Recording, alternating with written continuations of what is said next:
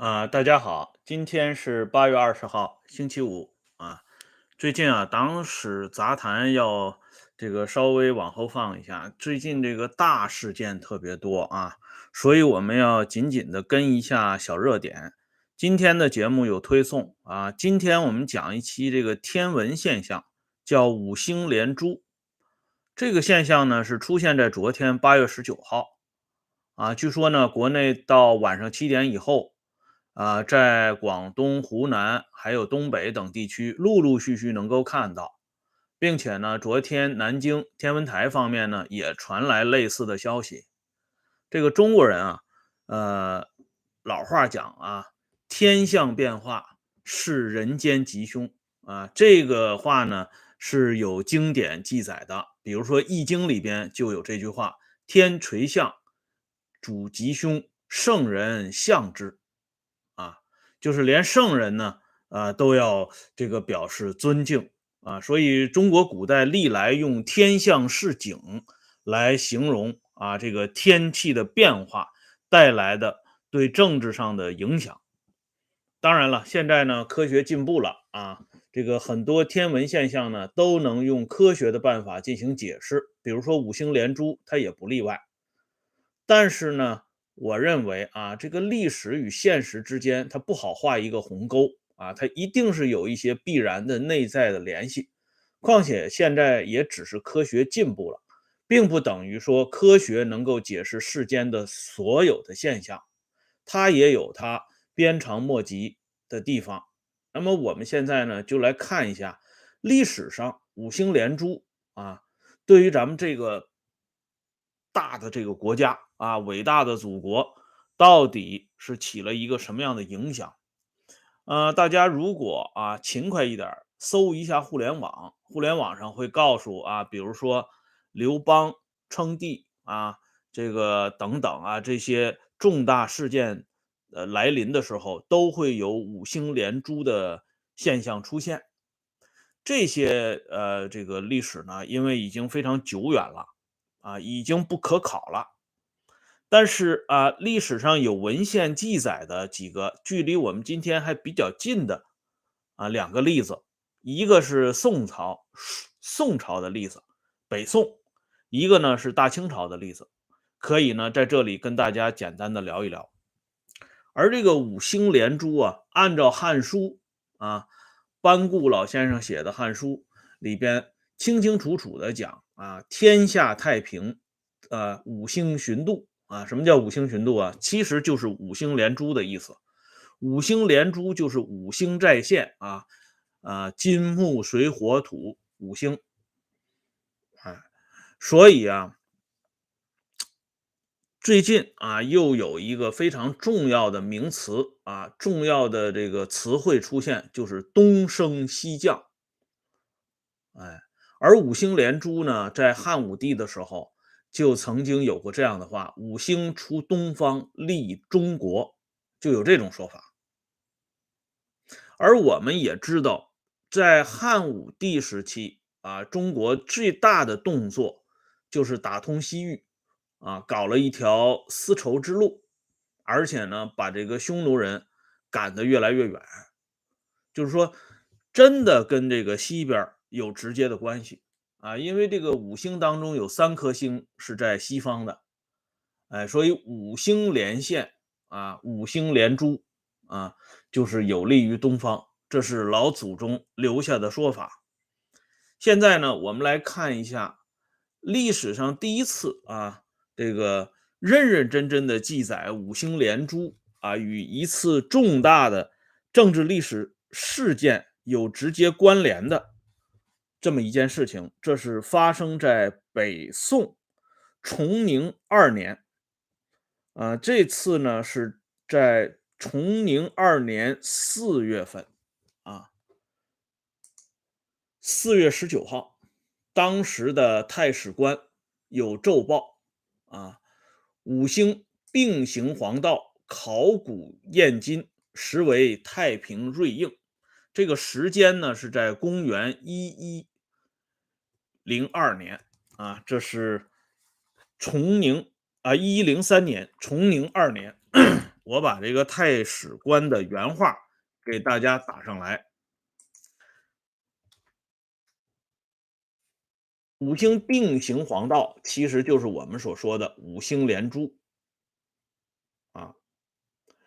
这段话出来以后，朝野群臣非常震撼，因为这个时候啊，当朝的宰相不是别人，就是后来的六贼之首的蔡京，《水浒传》里边大名鼎鼎的蔡太师啊，志劫生辰纲劫的就是他们家的钱。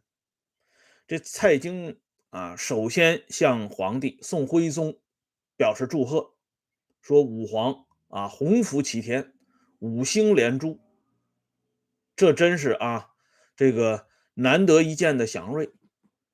而这个时候呢，恰恰是有一起重大的政治事件正在发生，因为大家知道啊。在宋朝，北宋与西夏就是党项人对决的过程当中，有一股中间势力非常重要，这就是吐蕃啊，就是今天的西藏啊。其中这个河湟吐蕃，也就是在今天的青海这一段啊，有一个著名的首领叫姑斯罗。姑斯洛啊，这个姑斯洛呢，这个人很厉害。连西夏的元昊都打不过他，所以北宋呢一度借助啊姑斯洛的力量牵制西夏。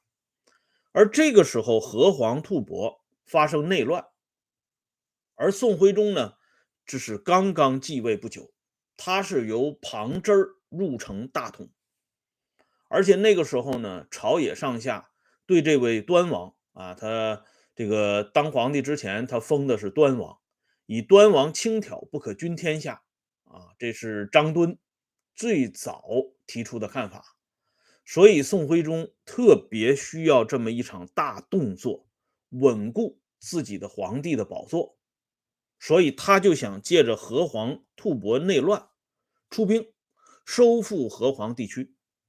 但是这件事情啊太大了，我们都知道北宋呢历来是主张守，不主张打的。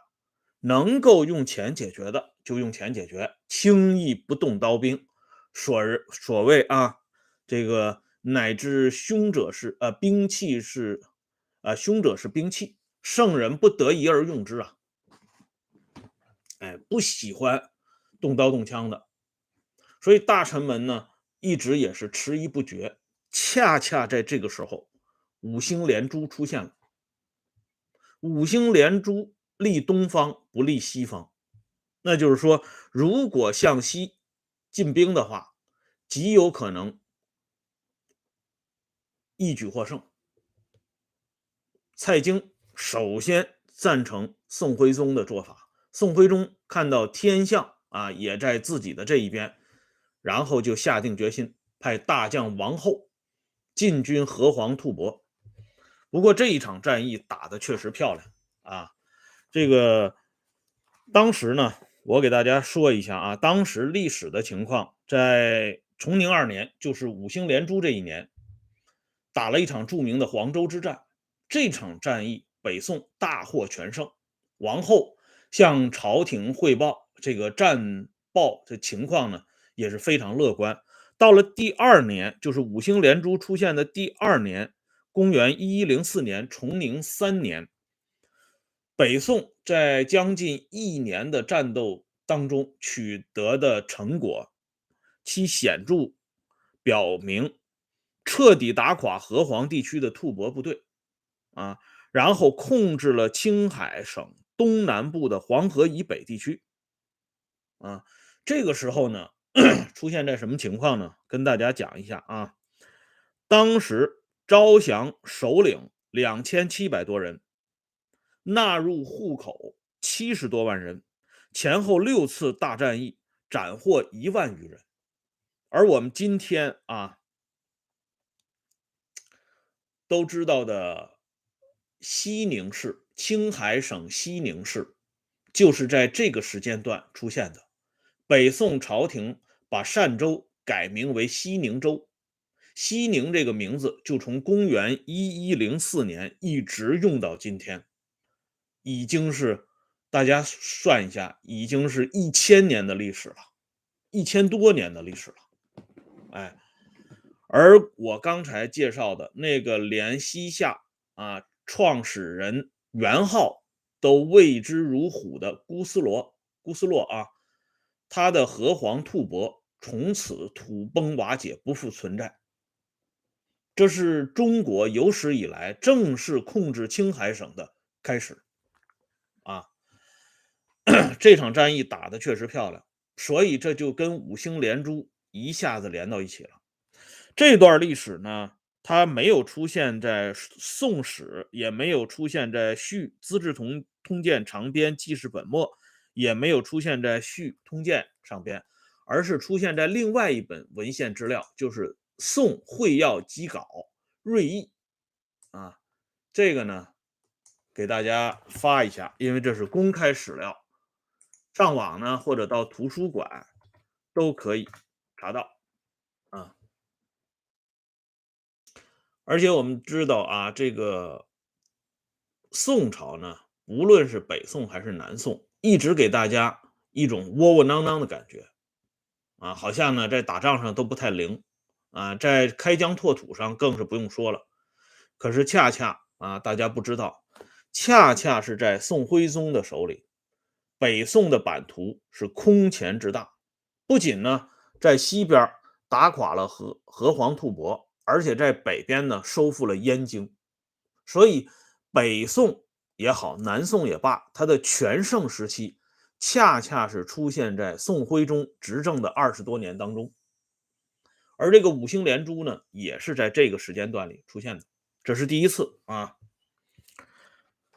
那么再一次五星连珠出出现在什么时候呢？就是就是再一次跟这个西边啊这个战事西线战事有直接关系的，就是出现在大清朝。我们知道清朝康乾盛世这三位皇帝，康熙、雍正、乾隆，这三位皇帝一直致力解决的就是西部问题。啊，因为西边呢一直啊蠢蠢欲动，对大清朝呢一直有实际性的威胁，因此呢，康熙皇帝御驾亲征。啊，雍正皇帝呢部署了两啊两路用兵。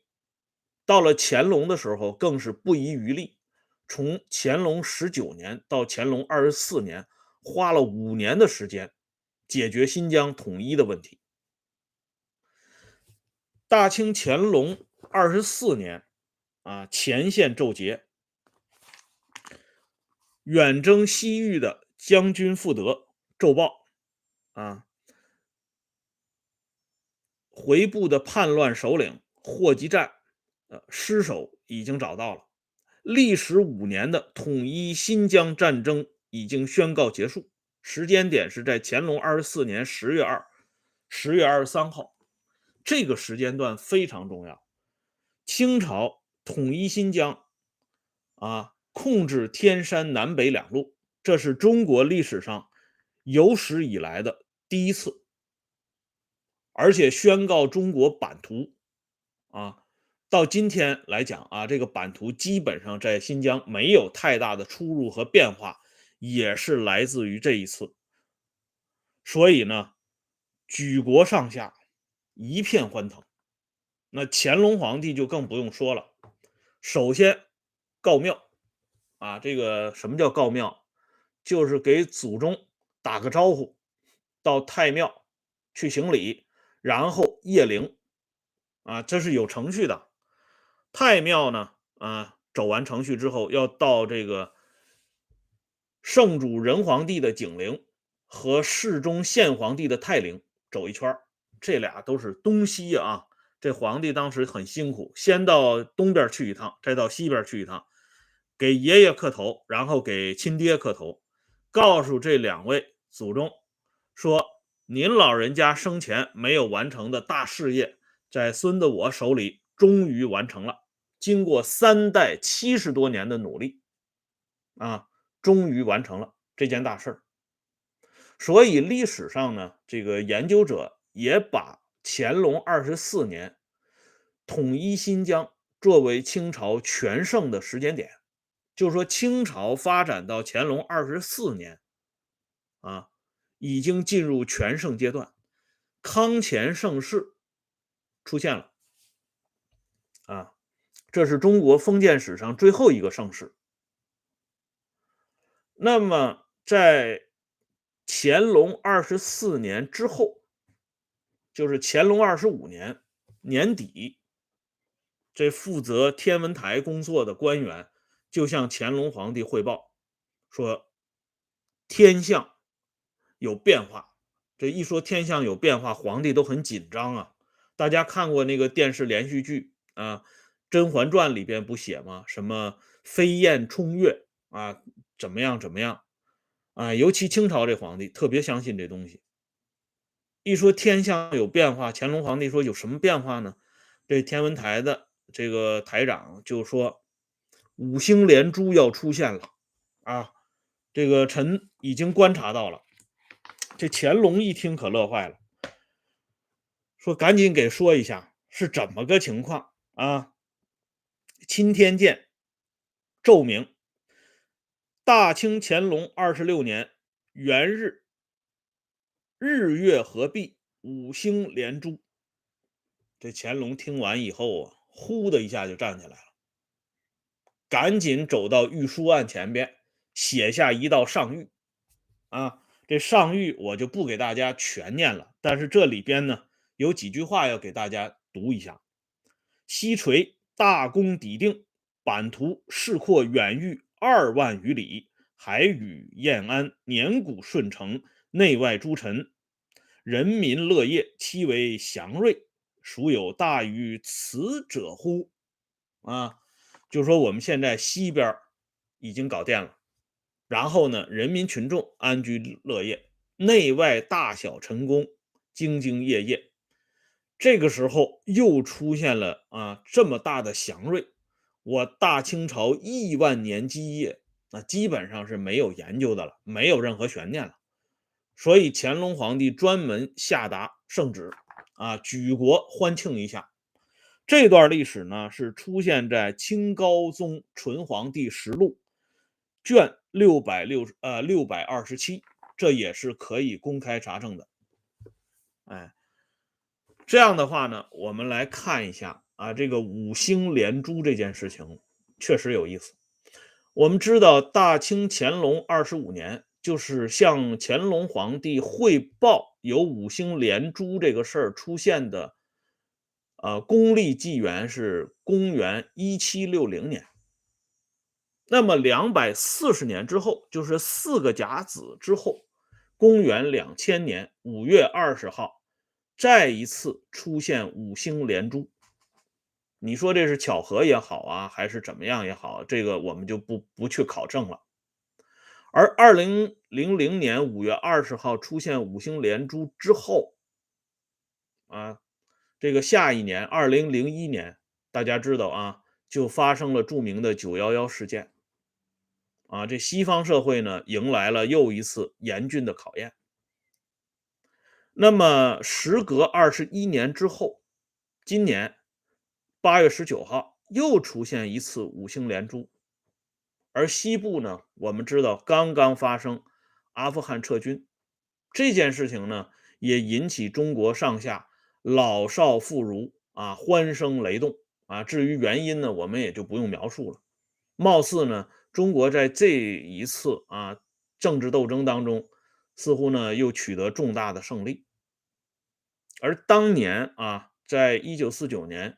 建立这个政权之前，讨论国旗的时候，周老先生就提到五星连珠这个古代的这个天文现象，受到伟大领袖的啊无微不至的关怀。这周老先生确实很厉害啊！一到应景的时候，他就把这书袋给调出来了，调的是刚刚好啊！五星红旗加五星连珠，这个大家可以展开。想象的翅膀飞一下啊，那么眼下呢，又一次出现五星连珠，而每一次啊，刚才我举的这个例子啊，这两次五星连珠，都是意味着啊，西方战事不利，啊，东方呢开始崛起。而这一次五星连珠，是不是与这个我们眼下所说的东升西降，有着所谓内在的某种的联系呢？我们要拭目以待。啊，好了，今天的话题呢，我们就说到这里。感谢朋友们上来收看，啊，欢迎大家关注“温相说时政”会员频道，周一到周日啊，经常有更新。再见。